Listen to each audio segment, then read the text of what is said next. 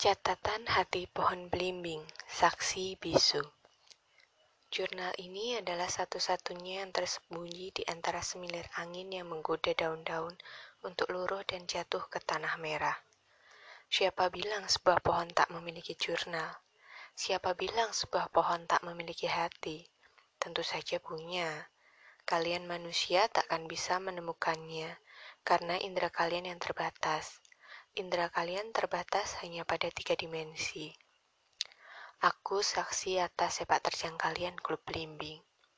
Aku yang menyaksikan riuh rendahnya kalian mempersiapkan acara besar Sumpah Pemuda waktu itu.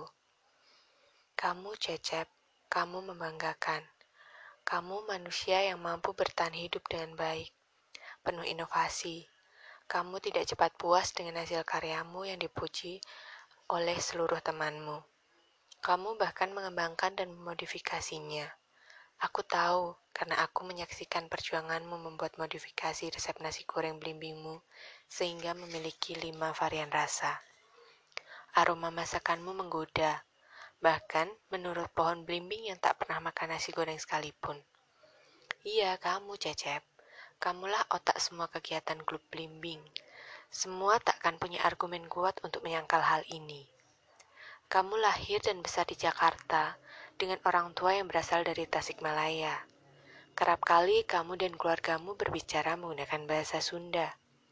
Namamu saja sudah menunjukkan identitas asalmu, Asep Jayabaya. kamu tumbuh dan berkembang di rumah besar dengan pekarangan yang cukup luas untuk ukuran orang Jakarta. Orang tuamu cukup mampu saat kamu lahir Bapakmu seorang pengusaha kain khas Tasikmalaya. Kedua orang tuamu hijrah ke Jakarta untuk meluaskan usaha kain-kain tekstil khas Tasikmalaya. Bapakmu piawai sebagai seorang pengusaha tekstil, sedangkan ibumu tidak. Ibumu tak pernah terlibat langsung dalam usaha yang dijalankan bapak. Ibumu adalah ibu rumah tangga sejati yang mendukung suami dari rumah. Ibumu sangat suka memasak Aroma masakannya yang menggoda penuh kehangatan, dan cinta menelusup dalam pori-poriku. Mungkin inilah yang membuatku bertahan menjadi pohon belimbing tua yang sehat dan segar. Sampai pada suatu tragedi menimpa keluargamu Cecep. Saat itu terjadi, bahkan seluruh pohon dalam pekarangan rumah ini menangis. Waktu itu kamu baru saja lulus sekolah dasar. Hana kelas 5 dan Cinta baru kelas 2. Suasana sore sangat ceria saat itu. Kamu sedang bermain petak umpet dengan kedua adikmu di pekarangan luas ini, sementara ibu sedang mengolah masakan di dapur. Aromanya yang lezat dan menggoda menyebar ke mana-mana, membuat kalian yang memang sudah lelah bermain menjadi lapar. Kalian pun memutuskan menyudahi permainan, berlari-lari kecil masuk ke rumah. Senyum, gelak tawa, dan suara celoteh, celoteh kalian saat itu mewarnai sore dengan aura kebahagiaan. Seluruh pohon ikut tersenyum menyaksikan ibu dan ketiga anaknya yang tampak bahagia. Saat itu, suara deru halus kendaraan memecahkan konsentrasi. Aku menyaksikan dua orang berpakaian seragam mendatangi ibu. Mereka langsung berbicara tanpa basa-basi. Seketika itu juga, Ibu langsung terduduk lemas. Salah seorang pria berseragam menopang tubuh ibu yang entah kenapa terlihat sangat lemah. Wajahnya tampak memucat. Saat kedua pria berseragam itu berlaru, tubuh ibu mendadak gemetar.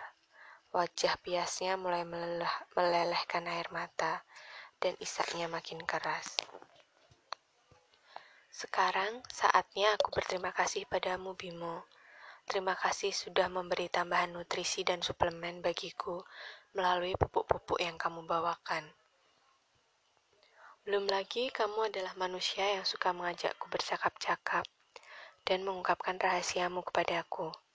Cecep suka nyengir melihatmu komat kami di depanku, seperti sedang bercakap-cakap dengan teman lama.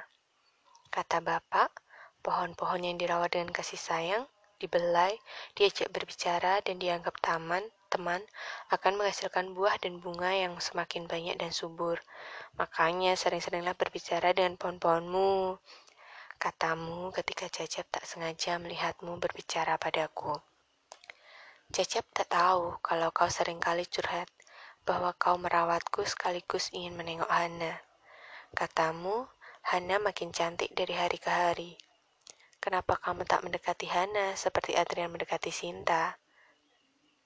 Bayu pun begitu di balik sikap kalem dan pendiamnya itu. Mungkin bagi Bayu, Hana satu-satunya lawan jenis yang menarik dibandingkan dengan mobil. Kamu, Bayu, kutanya kenapa kamu juga tak mencoba peruntunganmu mendekati Hana. Kamu terlalu menganggap mobil, motor, dan segala hal tentang otomotif itu lebih eksotis dibanding lawan jenismu sendiri. Khusus Tommy, yang aku suka darimu, walaupun cenderung tidak bisa menahan diri terhadap makhluk manis Nukelis pisan, kamu selalu memakai logika dalam pengambilan keputusan. Kamu memiliki prinsip tak akan mencintai adik sahabatmu demi hubungan baik persahabatan. Itu yang membuatmu menjaga jarak dari Hana. Namun, kamu tidak pandai menyembunyikan perasaanmu, bahkan kepada pohon belimbing sekalipun. Rahasia paling dalam dari semua anggota klub belimbing tentu saja cerita Adrian. Adrian kamu tentu merasa bahwa rahasia itu adalah saat paling kelam dalam hidupmu ya. Dalam takdir Adrian, sesuatu tidak benar-benar pasti. Takdir itu bisa berubah jika saja manusia berupaya keras mengubahnya. Jika sesuatu akan terjadi, sebenarnya seluruh alam akan mendukung demi terjadinya takdir itu. Saat itu, minggu terakhir persiapan bazar. Kamu sedang sibuk mempersiapkan alat untuk presentasi di acara bazar. Kamu menurunkan barang-barang dari mobil, lalu berjalan menuju gazebo sambil membawa peralatan yang dibutuhkan. Kamu begitu fokus sehingga kertas-kertas yang dibutuhkan sebagai data tambahan yang disiapkan dengan susah payah berjatuhan di bawah gazebo. Saat kamu membungkuk mengumpulkan kertas-kertas itu, kamu sampai tidak menyadari hadirnya seseorang yang kemudian membantu. Saat itu kamu berada di sudut luar gazebo yang tersembunyi di antara pohon belimbing dan dinding luar gazebo. Sinta baru saja pulang dari belajar kelompok di rumah teman. Dia baru saja datang ketika melihat kamu yang sibuk memunguti kertas-kertas yang jatuh, data-data presentasi yang kamu kumpulkan dengan susah payah.